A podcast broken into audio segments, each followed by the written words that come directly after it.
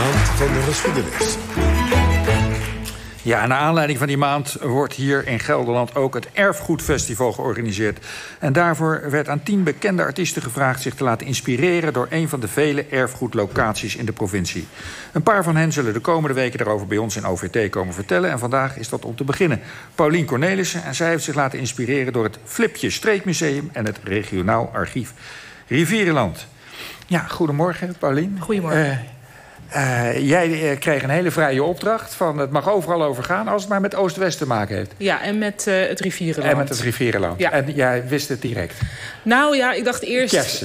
ja, dat dacht ik wel. Ja. Dus eerst dacht ik van, oh, het mag alles zijn... maar Oost-West klapte ik soort van van dicht. Maar toen dacht ik, die Betuwe staat vol met fruitbomen... en ik kom graag in Japan. Daar staat het vol met kersenbloesem elke lente. Dus toen dacht ik, ik moet iets doen met die eigenlijk ja, hoe die kersenboom over, zich over de wereld heeft verspreid. En ik vroeg me af, hebben ze nog wat met elkaar te maken? Ja, en toen kwam je zo'n archief, toen zei je, hebben jullie wat over kersen? Ja, toen lag er een hele tafel vol met allerlei dingen die met kersen te maken hebben. Dus daar werd ik totaal door overweldigd. Dat archief in Tiel is, uh, bestaat uit 16 kilometer aan archiefdozen achter elkaar. Dus het is uh, ja, van een soort ongelofelijke orde, zo'n archief... En je kan er alles in vinden, maar dan moet je wel weten waar naar je eigenlijk op zoek bent. En dat wist ik eigenlijk niet. Dus ik had een soort tafel met van alles over kersen. En toen uh, werd mijn aandacht getrokken door een, vond ik heel mooi vormgegeven boekje met een vreemde titel, namelijk de rassenlijst der fruitgewassen. Um, ja. En toen dacht ik, ja, nou ja, kijk maar eens ja. uh, bij het hoofdstukje kersen. En er zijn heel veel uh, kersenrassen staan daarin beschreven, uh, die allemaal heel mooie namen hebben. Uh, dus dat vond ik leuk om eens in te verdiepen. En de naam die er voor mij heel erg uitsprong... en die ik niet kon vergeten was de kers genaamd Inspecteur Leunis. Zo. Ja. En toen ben jij gaan uitzoeken wie was inspecteur Ja, want ik dacht, ja, je komt ja. er natuurlijk niet... Kijk, een kersennaam als de Udense Zwarte. Daar kan ik me iets bij voorstellen. Dat is een zwarte kers uit Uden. Maar hoezo heet een kers inspecteur Leunis? Dus toen ben ik uh, in het archief gaan zoeken naar... Uh, wie was inspecteur Leunis dan? En toen kwam ik eigenlijk heel veel tegen. Dus ja. toen ben ik veel gaan uitzoeken over wie die man... want ja, het was dus een man... uh, wie dat eigenlijk was. Ja, en ja, maar, stel, stel, hem... Ja, ja, ga door. Ja, stel, stel hem eens aan als voor. Wie was hij? Um, hij, hij heette Frederik Leunis. Hij is, uh, zijn carrière begon als directeur in Frederiksoord. Dus dat is die, de, de kolonie voor, voor mensen die door het lot aan Lagerwal geraakt waren... en daar gedwongen naartoe gestuurd werden. Als ik het zo goed uh, ja, samenvat. Ja, ja. Um, daar was hij uh, dus directeur. En toen later is hij inspecteur van landbouw geworden... en inspecteur van landbouwscholen. En die laatste, dus die meer die agrarische functie... die heeft ervoor gezorgd, denk ik, dat hij een kers naar zich vernoemd heeft gekregen. Een kers overigens ontwikkeld door een meneer uit Oevold. Ja. Het wordt alleen maar raadselachtiger. Hè? en, en, die kers, bestaat die nog? Kunnen we die eten? Uh, nou, het is niet een kers die je makkelijk in de winkel kunt kopen... maar ik heb wel gezien dat die... Je, je hebt wel ja, kersen aficionado's... en sowieso mensen die zich bezighouden met in onbruik geraakt fruit... Uh, dus er, er, zijn nog wel inspector Leunis bomen waarvan ja. te eten valt. Maar ik heb het nog nooit geproefd. Jij hebt het nog niet geproefd? Nee. Goed, nou, nou is het thema Oost-West. En ja. uh, uh, jij bent ook naar een inspector Leunis in Japan op zoek gegaan. Maar in Japan, je zei het daarnet al, is eigenlijk de kersenbloesem bekend. Ja, de kersenbloesem is heel, heel belangrijk in Japan. Ook de, tot aan zeg maar, het Japanse acht uur journaal. Daar wordt gezegd van... De, de bloei is nu op zijn volst in Osaka. En oh, nu is de bloei ietsje noordelijker op zijn volst... zodat je altijd op het juiste moment op de juiste plek kunt zijn. Um, de meeste Japanse kersenbomen hebben geen vrucht. Het gaat puur om de schoonheid van de boom. Maar er zijn wel kersen. En die kersen die er, de bekendste uh, Japanse kers heet de Sato Nishiki. En dat is een heel dure kers. Echt een bakje, bakje kersen kost iets voor 400 dollar. Dat is niet normaal. Uh, en Sato Nishiki betekent het, bro het brokaat van meneer Sato. Sato, ja. En uh, toen ben je natuurlijk gaan uitzoeken wie is meneer, wie is meneer Sato. Ja. Nou, die heb ik ook gevonden. Dus die, die, die, uh, dat was ook gewoon een bestaande meneer. Dat was uh, iemand uit het noorden van Japan... die uit een, een familie kwam van sojasausbrouwers... En hij zelf is een, een kersenboomgaard begonnen. En die, hij wilde een kers ontwikkelen uh, die zowel uh, houdbaar was als zoet. Uh, die heeft hij na veel uh, kwekerijwerkzaamheden is het hem dat gelukt. En hij had ook het, uh, eigenlijk het geluk dat er net een um, treinbaan of een treinlijn was tussen de stad waar hij woonde in het noorden en Tokio. Waardoor hij door middel van modern, de moderniteit zijn kersen ook kon uitspreiden over zijn land, Japan. Ja, en uh, over welke tijd? Het leefden beide uh, mannen die kersen werden ongeveer in dezelfde tijd? Ongeveer wel, ja. Dat is begin 20e eeuw.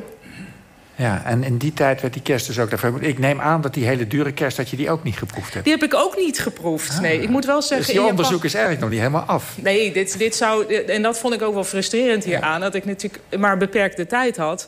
Maar ik raakte er wel steeds dieper in. Want als je eenmaal in zo'n archief... Ja, jullie weten dat beter dan ik. Ik ben geen historicus. Maar zodra je eenmaal één document hebt gevonden in een archief... dan denk je, hé, maar wacht even, oh, toen is hij naar Rotterdam verhuisd. Wacht even, kan ik dan in Rotterdam nog dingen over hem vinden? En op die manier uh, zit er geen eind aan. Ja, maar je hebt er wel een soort uh, eind zeg maar, zelf aan, uh, ja. aangebreid. Je, je hebt zelfs bedacht dat ze elkaar ontmoet hebben. Ja, dat, dat vond ik... Um, dat vond ik wel geoorloofd, aangezien ik als kunstenaar was aangesteld en niet als historicus. Um, en er zit... Uh, ja, dus ik heb eigenlijk ervoor gezorgd dat de Japanner op een gegeven moment een, uh, een, een gouden kersenpit heeft gestuurd naar de Nederlander. Met uh, de opdracht die goed te verstoppen. Um, uiteindelijk op een manier die ik niet zal vertellen... is die gouden kersenpit in mijn handen terechtgekomen... en heb ik die op mijn beurt ook weer verstopt. Dus het is eigenlijk een onzichtbaar iets wat ik heb gedaan. Ja, de luisteraar kan op zoek die kan zeker op zoek. Want ik heb wel helemaal beschreven wat ik heb. Ja, alle, alle achtergrondinformatie heb ik uh, wel allemaal uh, opgeschreven. Dus het is dan wat dat betreft wel weer ja. een, een, een, tastbaar ja. ding geworden. Ja, maar je hebt de twee mannen elkaar ook laten ontmoeten. Ja, dat heb ik Op ook een. Een fruit. Uh... Een fruit tentoonstelling in Ankara. Toen de jongste hoofdstad van Europa. En hoe kwamen ze daar terecht? Had dat ook dat, met kersen te maken? Uh, dat, nou ja, dat was een tentoonstelling. Ja. Uh, kijk, Turkije was nog niet zo heel lang onafhankelijk. Uh, Ankara was uitgeroepen tot hoofdstad. En toen profileerde Turkije zich als een nieuwe uh, ja, fruitnatie, wat het nu nog steeds is. Er komt, komt heel veel fruit uit Turkije. Mm -hmm. Toen hebben ze een, uh, een grote tentoonstelling uh, georganiseerd... met ook symposia, met concerten. En ik weet niet zeker of de beide mannen daar zijn geweest... maar laten we zeggen van wel. Nu heb ja. jij je wetenschappelijk literair als kunstenaar een paar maanden bezig. Hoe, hoe, lang ben je met de kerst bezig geweest eigenlijk? Um, een paar maanden. Ik, vanaf juni tot, tot een paar weken geleden. Ja. En, en hou jij van kersen? Ik vind, ben eigenlijk niet een heel grote kersenliefhebber. Ik bedoel, de kers moet wel heel uh, lekker op smaak zijn... wil ik er uh, graag van eten. Ja. Wat ik wel had, was zo'n kersenpittenzakje... waar ik erg uh, aan gehecht ben. Zo wat je in de magnetron gooit en wat je dan op jezelf legt. Ken je dat? Uh, nee, dat ken ik helemaal oh, ja, niet. Ik heb geen een, idee. Oh, ik zie jou ook helemaal blanco. Wat krijgen we ja. uh, hittepit heet ja. dat. Oké, okay. dat, dat, zijn er, dat zijn er van die kussentjes? Ja, zo, en met van die pitjes erin. En dan maak je het warm en dan doe je het zo. En dan denk je, oh, ja. Ja, ja, ja. ja, Maar ik denk dat de Japanse kerst wel heel lekker is, die zo duur is. Want ja, die moet ik toch wel een keer In Japan is, is fruit überhaupt wel duur. Hè? En is ja. fruit als cadeautje geven bij een verjaardag heel normaal. Dat is normaal. En je hebt ook bijvoorbeeld in de supermarkt... als je uh, aardbeien koopt, dan kun je dat in zes categorieën van kwaliteit en dus prijs kopen. Dus kan je echt bedenken, trakteer ik mijzelf nu echt op de, de 2 euro per stuk uh, aardbei... Of, of hou ik het vandaag wat simpeler? Ja. Ja, ik heb zelfs in Japan ooit in de supermarkt een meloen helemaal ingepakt ja. met strictie staan. En die kostte geloof ik 25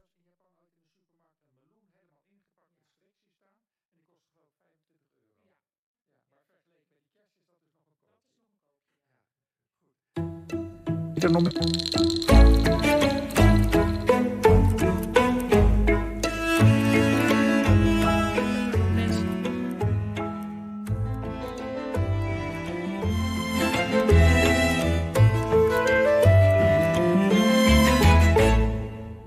U hoort het, de verbinding met de locatie is verbroken.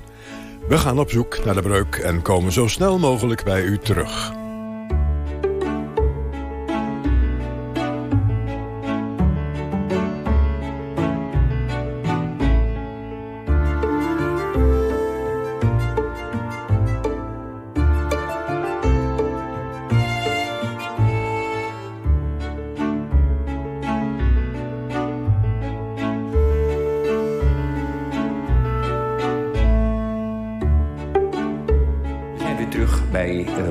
Op de zender. U was OVT even kwijt. Dat gebeurt soms. Misschien is er iets ergs gebeurd in Tilburg of weet ik waar. Ehm, volgens mij waren we gebleven bij dat Paulien ging vertellen... wat er allemaal was op het Erfgoedfestival. Ja.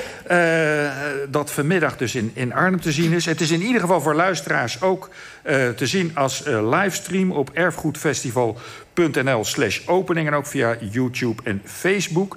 en van het verhaal van Paulien, waar we het net over hadden... daar heeft dat Erfgoedfestival uh, maar een hele kleine oplage van 200 exemplaren gedrukt... die niet in de boekwinkel komt, maar wij mogen er wel 10 verloten onder onze luisteraars. Dus wilt u de kans op maken, like het op Facebook of stuur een mailtje aan OVT. Ja, en dat vinden we